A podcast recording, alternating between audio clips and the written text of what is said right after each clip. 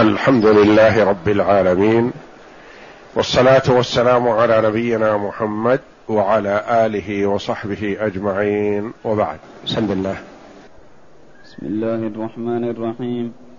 قال المؤلف رحمه الله تعالى الحمد لله الذي أرسل رسوله بالهدى ودين الحق ليظهره على الدين كله وكفى بالله شهيدا.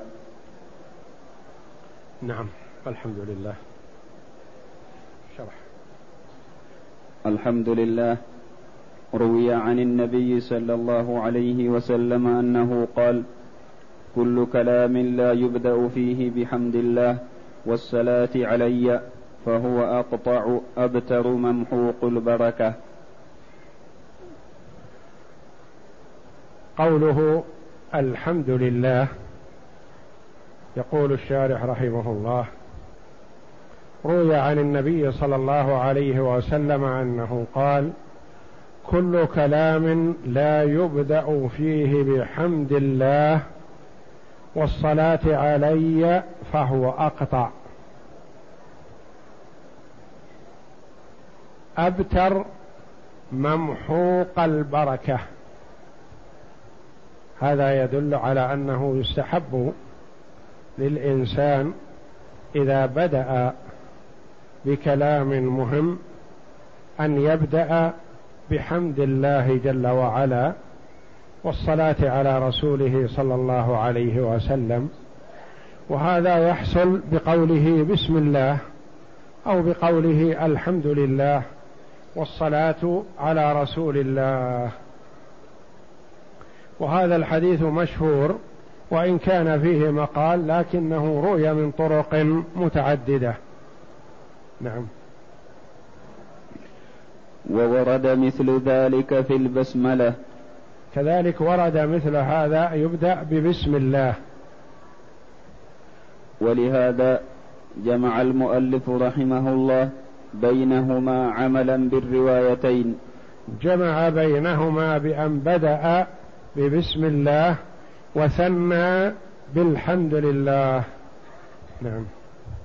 ولا تعارض بينهما. لا تعارض بينهما يعني إذا بدأ ببسم الله أو بدأ بالحمد لله أو بدأ ببسم الله وثني بالحمد لله فكله حسن. نعم. فإن الابتداء قسمان حقيقي وإضافي. الابتداء الحقيقي يعني أول ما ينطق المرء بكلمة بسم الله والحمد لله. وابتداء إضافي يعني يأتي بالمقدمة ثم يبدأ بالحمد لله. بعد هذا يعني عند البدء في الكلام المقصود. نعم. والحمد ضد الذم. والحمد ضد الذم. تقول حمدته بمعنى أنه استحق الحمد والمدح والثناء والشكر. وضده الذم ذكر مساوي الشخص. نعم.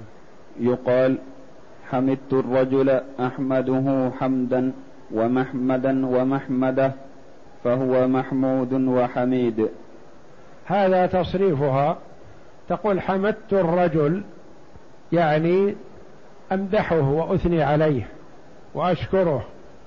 أحمده حمدا المصدر محمد محمد اسم مفعول.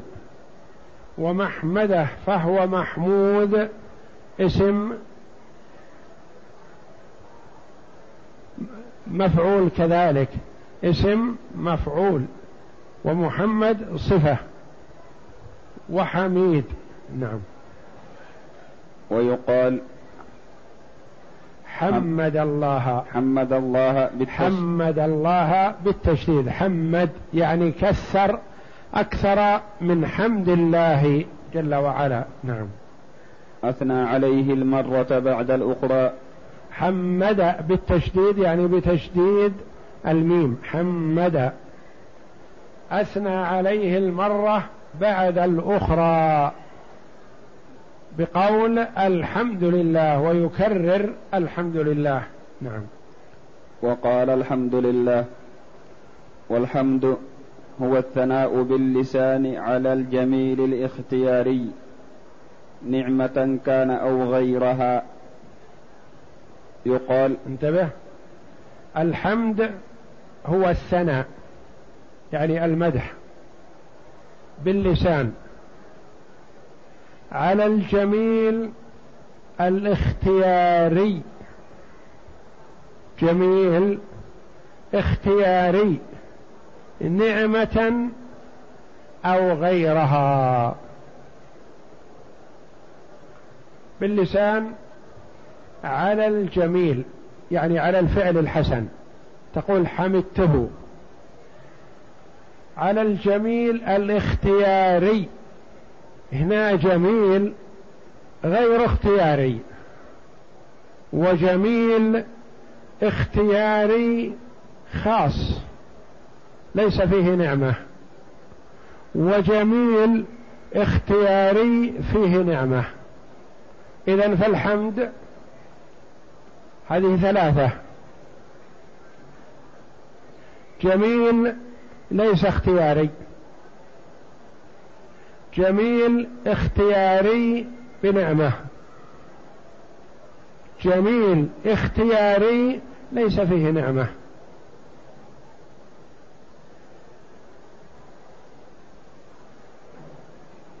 فهنا على الجميل الاختياري إيش معنى الاختياري؟ يعني الذي يتصرف فيه الإنسان. له مجهود فيه له فعل. الاختيار نعمة كان أو غيرها. تقول مثلا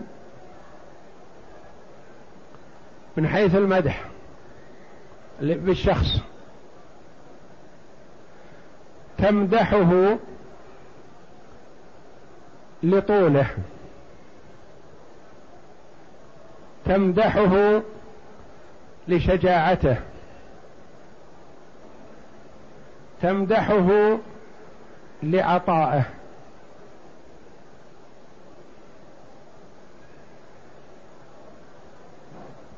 تمدحه لطوله أو لجماله. هذا جميل ليس اختياري. لا مجهود له فيه. فلا تقول حمدته لطوله.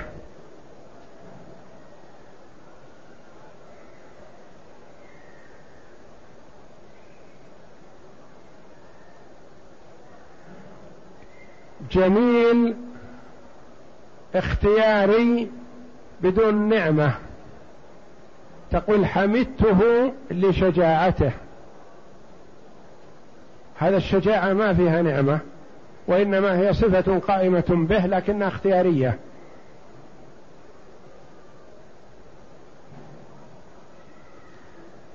تقول حمدته لعطائه هذه نعمة. جميل اختياري يعني له دور فيه الإنسان.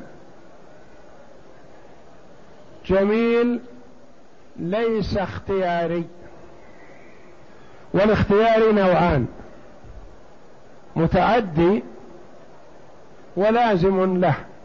مثل تقول حمدته لشجاعته. هل الشجاعة صفة فيه؟ ما يعطي منها. حمدته لحفظه.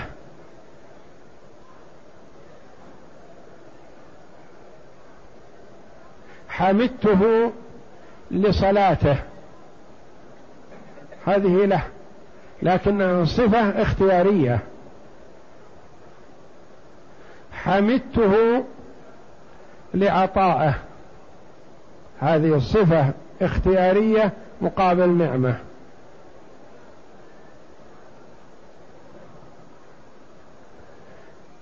لا تقول حمدته لطوله. ولجماله وإنما تقول أمدحه. فالمدح ممكن يمدح بالصفة غير الاختيارية لكن الحمد لا. ولهذا قال الحمد هو الثناء باللسان على الجميل يعني الشيء الحسن. الاختياري اختياري مثل الشجاعة اختيارية والحفظ اختياري. نعمة كان أو غيرها. عطى اختياري نعمة. شجاعة حفظ هذا اختياري غير بدون نعمة. ما في نعمة. ما تفضل على أحد بشيء. نعم.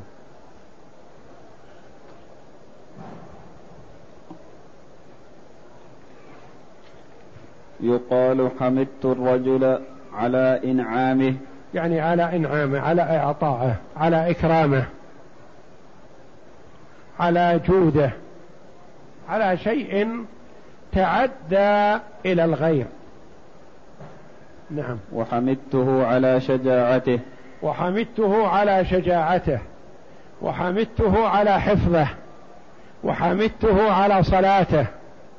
وحمدته على قيامه الليل. هذه ما هي مقابل نعمة ما فيها نعمة هذه لكن هذا عمل جميل وشيء حسن. نعم.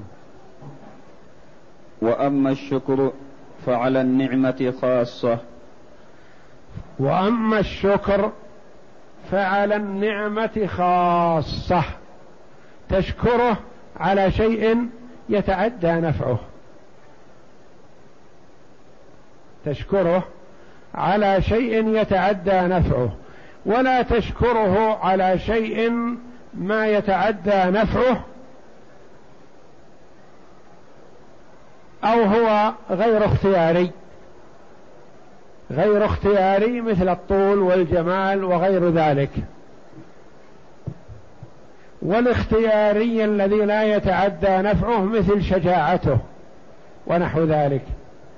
فلا يشكر على شيء لا يتعدى نفعه وإنما الشكر مقابل نفع نعمة تتعدى. نعم. نعم. وأما الشكر فعلى النعمة خاصة ويكون بالقلب واللسان والجوارح. الشكر يكون بالقلب واللسان والجوارح. وتقدم أن الحمد على رأي المؤلف هو الثناء باللسان وبهذا قال كثير من العلماء. لكن بعضهم قال حتى الحمد لا بد يكون له أثر في القلب أثر في الجوارح وإلا فقد يكون من باب الاستهزاء. إذا حمدت باللسان وأنت غير مقتنع بالقلب فيكون من باب الاستهزاء.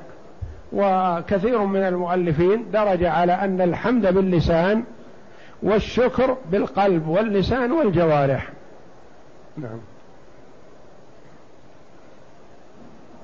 قال الشاعر أفادتكم النعماء مني ثلاثة يدي ولساني والضمير المحجبا أفادتكم النعماء مني ثلاثة يعني النعمة التي أنعمتم بها علي شكرتكم فيها بيدي ولساني وقلبي الضمير المحجبة الضمير القلب.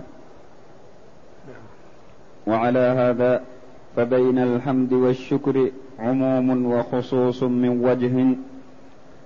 أحدهما أعم من الآخر في جهة والآخر أعم في جهة أخرى. وأحدهما أخص من الآخر في شيء والآخر أخص منه في شيء آخر. عموم وخصوص من وجه. يجتمعان في الثناء باللسان على النعمة. يجتمعان يعني الحمد والشكر باللسان على نعمة. يعني شخص أعطاك كتاب. قلت له جزاك الله خيرا. هذا يسمى حمد ويسمى شكر. حمدته وثم شكرته. يجتمعان الحمد والشكر في الثناء هذا المدح باللسان النطق على النعمة هي مقا... التي هي إعطاء الكتاب. فمثلا إذا أثنيت على شخص بلسانك فهذا حمد وشكر إذا كان مقابل نعمة. نعم. وينفرد الحمد في الثناء باللسان على ما ليس بنعمة من الجميل الاختياري. وينفرد الحمد باللسان على ما ليس بنعمة. ينفرد الحمد في الثناء باللسان على ما ليس بنعمة من الجميل الاختياري. تقول حمدته لشجاعته حمدته لحفظه. هذا جميل اختياري ليس بنعمة. فيسمى هذا حمد إذا أثنيت عليه بلسانك ولا يسمى شكر. نعم. وينفرد الشكر بالثناء بالقلب والجوارح على خصوص النعمة. وينفرد الشكر بالثناء بالقلب والجوارح. أنت أظهرت بجوارحك الشكر الثناء على شخص ما. لا يقال لهذا حمد وإنما يقال له شكر لأنه أصب بالجوارح أو بالقلب. يعني أحببته بقلبك وأثنيت عليه وفعلت شيئا بجوارحك نحو شكرك إياه هذا لا يقال له حمد وإنما يقال له شكر. نعم. فالحمد أعم متعلقا وأخص آلة والشكر بالعكس. فالحمد أعم متعلقا يعني أنه مقابل نعمة وبدون مقابل نعمة. يحمد يحمد على عطائه ويحمد على شجاعته. فهذا أعم. أخص متعلقا لأنه باللسان فقط. باللسان فقط. نعم. والشكر بالعكس. الشكر أعم آلة. لأنه باليد واللسان والقلب. وأخص وأخص متعلقا أي أنه مقابل نعمة فقط. ما تشكره على صفة قائمة به مختصرة عليه. نعم. وأما الفرق بين الحمد والمدح فقد قال ابن القيم رحمه الله إن الحمد إخبار عن محاسن المحمود. مع حبه وتعظيمه فلا بد فيه من اقتران الإرادة بالخير بخلاف المدح فإنه إخبار مجرد. ولذلك كان المدح أوسع تناولا لأنه يكون للحي والميت وللجماد أيضا. والفرق بين الحمد والمدح كما قال ابن القيم رحمه الله إن الحمد إخبار عن محاسن المحمود. تخبر عن محاسنه. مع حبه وتعظيمه. أنت ما تحمد شخص تبغضه. ولا تحمد شخص تهينه. لأنه ما لأنك ما حمدته. حمده أنت تكرمه وتعظمه. فلا بد من اقتران الإرادة بالخير بخلاف المدح فإنه إخبار مجرد. المدح إخبار مجرد. قد تمتح شخص وأنت تبغضه. قد تمدح شيء وأنت لا تكرمه ولا تعظمه. تمدح مثلا هذا الجدار. وهل يستحق شيء من التعظيم؟ لا. وإنها تمدحه باعتداله. هذا الجدار. ويكون في العاقل وغير العاقل والحي والميت.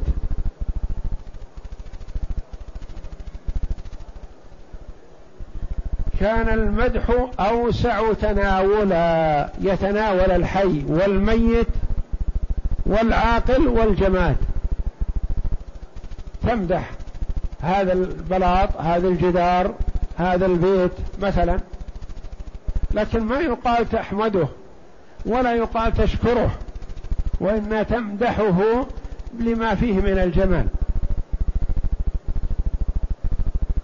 كان المدح أوسع تناولا يتناول أشياء كثيرة لأنه يكون للحي والميت الميت تمدحه. وللجماد أيضا تمدح هذا الجدار وهذا الحجر وهذا كذا لكن ما يقال تحمد الجدار أو تشكر الجدار وإنها تمدحه يعني المدح ثناء لا يقترن بتعظيم ولا يلزم أن يقترن بمحبة فقد تمدح الشيء وأنت تبغضه. نعم. وألف الحمد للاستغراق. ال في الحمد للاستغراق. يعني قولنا الحمد لله ال للاستغراق أي أن هذه دخلت على الحمد حمد فهي جميع أنواع المحامد كلها مستحقة لمن؟ لله. الحمد لمن؟ لله. جميع أنواع المحامد مستحقة لله جل وعلا.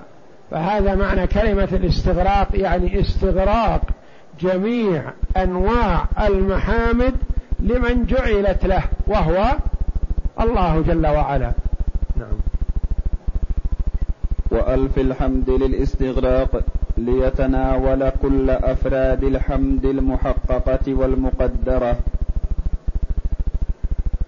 وقيل للجنس.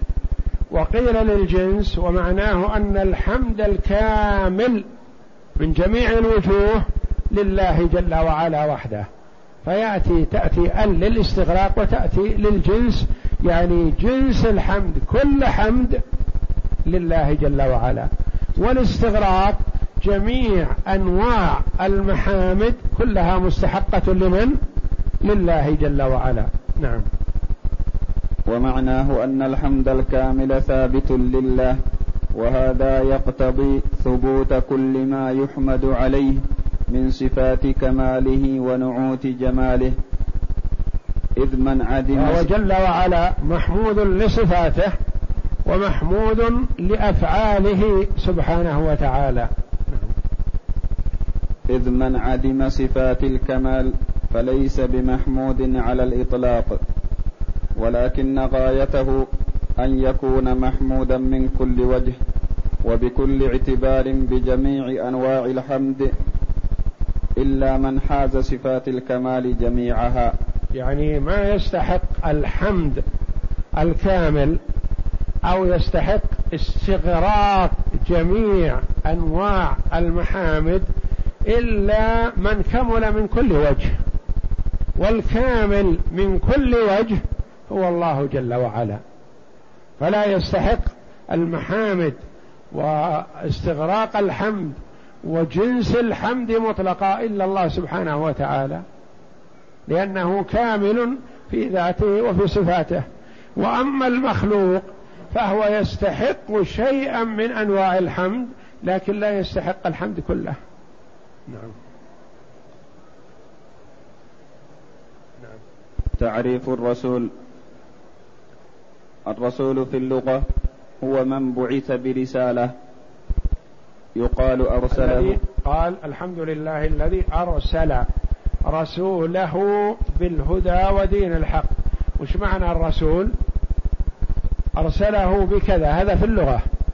تقول مثلا خذ هذه عطها فلان هذا الذي أعطيته هذا الشيء رسول. أرسلته بهذه الحاجة إلى فلان. اذهب إلى فلان وقل له كذا. هذا الذاهب يسمى ماذا؟ رسول. الرسول عليه الصلاة والسلام لما أرسل معاذا إلى اليمن وأمره أن يدعوهم إلى الله جل وعلا ثم قال له بما تحكم؟ إذا وصلت اليمن ودعوتهم وأسلموا مثلا بما تحكم؟ قال أحكم بكتاب الله. قال فإن لم تجد؟ قال فبسنة رسول الله. قال فإن لم تجد قال أجتهد رأيي ولا آل. قال الحمد لله الذي وفق رسول رسول الله لما يرضي رسول الله. الحمد لله الذي وفق رسول رسول الله. من هو رسول رسول الله؟ هو معاذ رضي الله عنه. فمن أرسله في حاجة ما يسمى رسول. هذا تسمية لغوية. نعم. الرسول في اللغة هو من بعث برسالة أي رسالة؟ أعطيته مفتاح قلت أعطوه فلان. هذا الذي حمل المفتاح إلى فلان يسمى رسول. نعم. يقال أرسله بكذا إذا طلب إليه تأديته وتبليغه. تبليغه إذا كان كلام أو تأديته إذا كانت عين. نعم. وجمعه رسل بسكون وجمعه رسل ورسل بتسكين السين وضمها. جمع رسول. ورسل بضمها. وفي لسان الشرع. هذا التعريف الشرعي. الأول تعريف لغوي. من أرسلت بكذا؟ تقول أرسلت فلان. من هو رسولك؟ تقول رسولي فلان. هذا لغوي. وبلسان الشرع.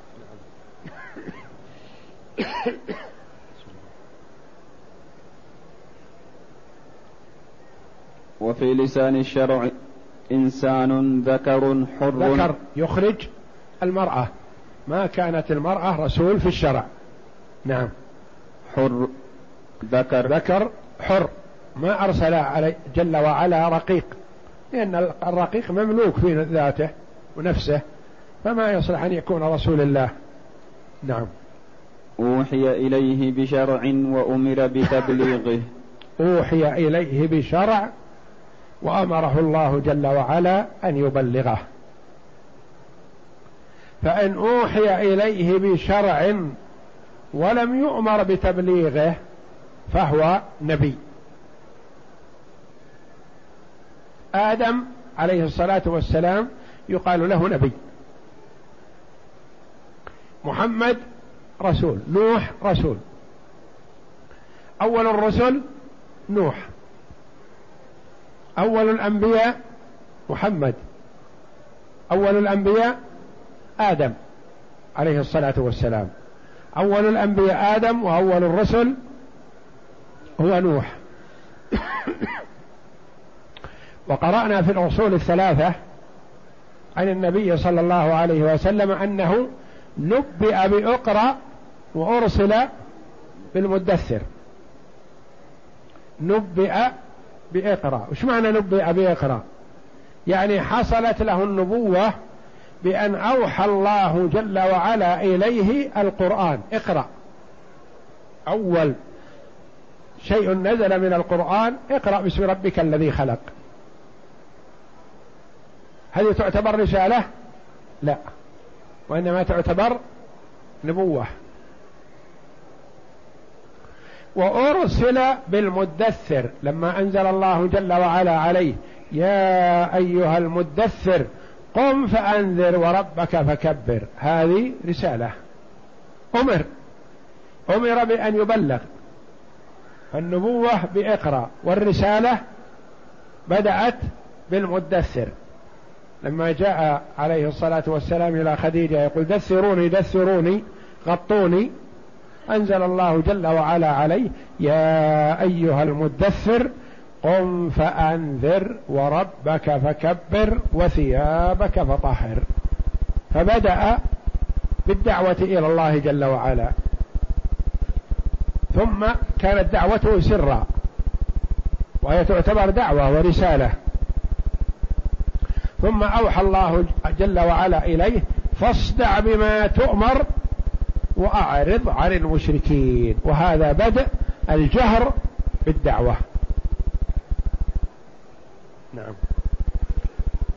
فإن أوحي إليه ولم يؤمر بالتبليغ فهو نبي. فهو نبي. وقيل النبي الرسول هو من أوحي إليه بشرع وأمر بتبليغه شرع جديد. والنبي من أمر بشرع سابق. يعني نبئ وعليه أن يبلغ الشرع السابق. ما أتى برسالة جديدة. نعم. فكل رسول نبي ولا عكس. فكل رسول نبي. الرسول نبي لأنه أوحي إليه بشرع. ولا العكس وليس كل نبي رسول. فمثلا نوح عليه الصلاة والسلام رسول. نقول عنه إنه نبي؟ نعم. كل رسول نبي. آدم عليه الصلاة والسلام نبي. هل نقنه رسول فالرسول نبي محمد صلى الله عليه وسلم نبي الرسول.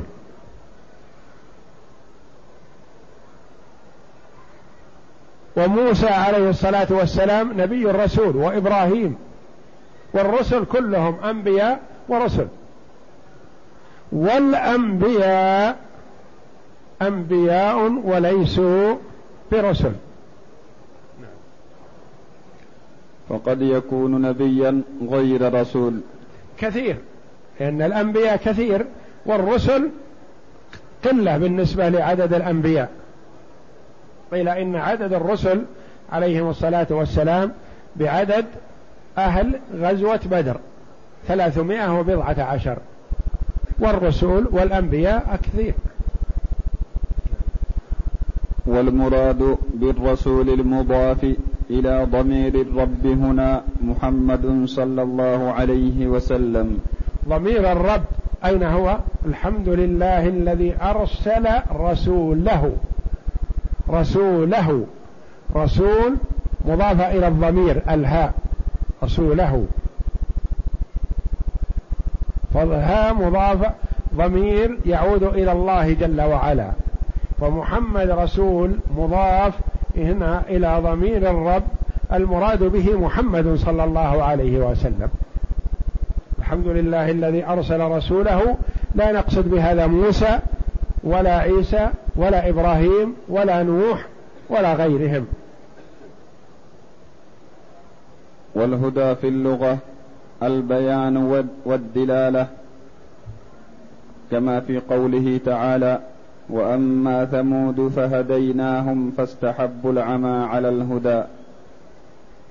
فإن المعنى بينا لهم وكما في قوله انا هديناه السبيل اما شاكرا واما كفورا. والهدى الحمد لله الذي أرسل رسوله بالهدى. أرسله بالهدى. الهدى يأتي بمعنيين. بمعنى الهداية والدلالة والإرشاد وبمعنى التوفيق والإلهام.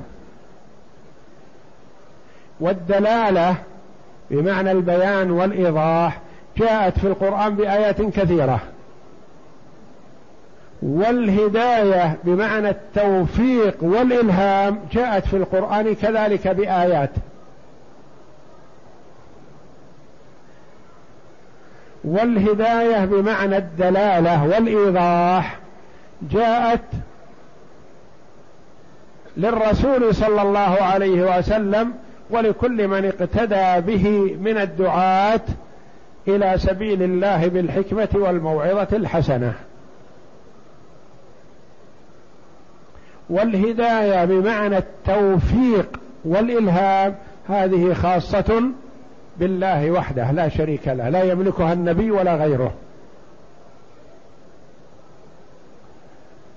والهدى في اللغة البيان والدلالة كما في قوله تعالى وأما ثمود فهديناهم يعني بينا لهم طريق الخير وطريق الشر. وليس معنى هديناهم بمعنى وفقناهم لأنه لو وفقهم الله للهدى ما أخذتهم الصاعقة فاستحبوا العمى على الهدى فأخذتهم صاعقة. وأما ثمود فهديناهم دللناهم وبينا لهم لكن ما استفادوا. وكذلك قوله جل وعلا انا هديناه السبيل اما شاكرا واما كفورا. انا هديناه ليس معناه وفقناه لأنه لو وفقه الله ما كان كفور. لكن هداه بمعنى دله وبين له. فإن منح هداية التوفيق صار شاكرا. وإن لم يمنح الهداية الثانية فهو كفور. نعم. والهدى بهذا المعنى عام لجميع الناس. الهدى بهذا المعنى عام للرسول عليه الصلاة والسلام ولغيره لأن من دعا إلى الله جل وعلا فهو يهدي إلى صراط مستقيم. يعني يدعو ويبين يقول طريق الخير خير لكم من طريق الشر.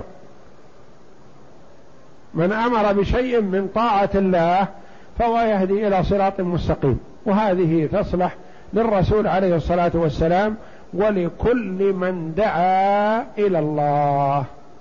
نعم. ولهذا يوصف به القرآن كما في قوله تعالى إن هذا القرآن يهدي للتي هي أقوم. القرآن يهدي للتي هي أقوم. فالقرآن يهدي ومحمد يهدي بمعنى يدل ويرشد. نعم. ويوصف به الرسول صلى الله عليه وسلم كما في قوله تعالى وإنك لتهدي إلى صراط مستقيم. ويوصف به الرسول عليه الصلاة والسلام كما في قوله تعالى وإنك لتهدي يعني ترشد وتدل وتوضح وتدعو الناس إلى ماذا؟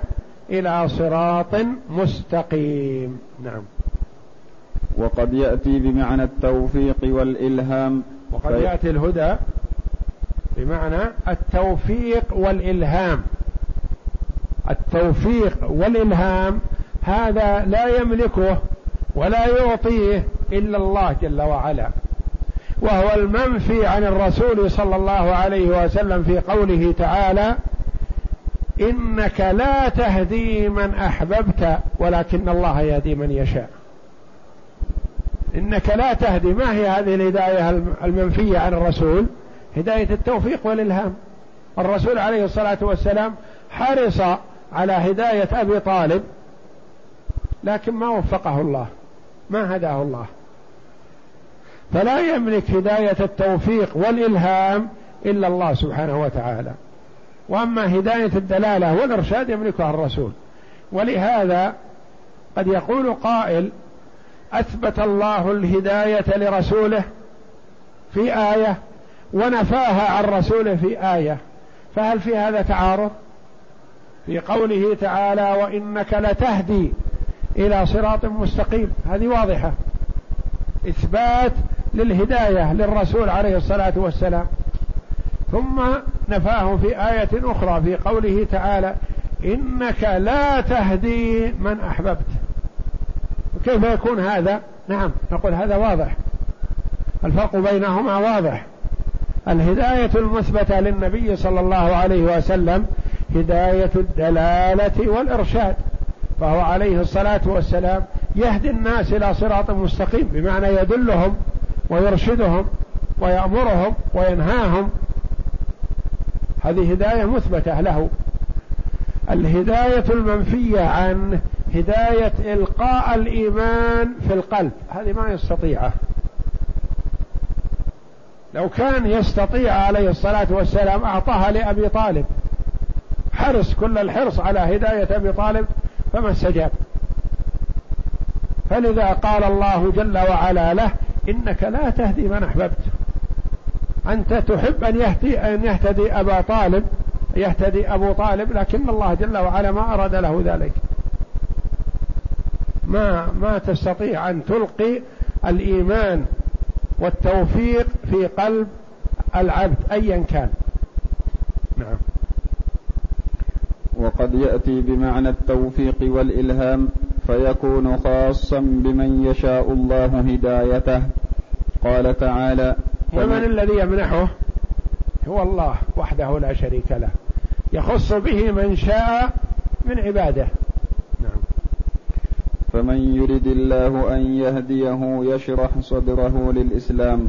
إذا أراد الله هدايته شرح الله صدره للإسلام. ولهذا نفاه الله عن رسوله صلى الله عليه وسلم بقوله إنك لا تهدي من أحببت ولكن الله يهدي من يشاء.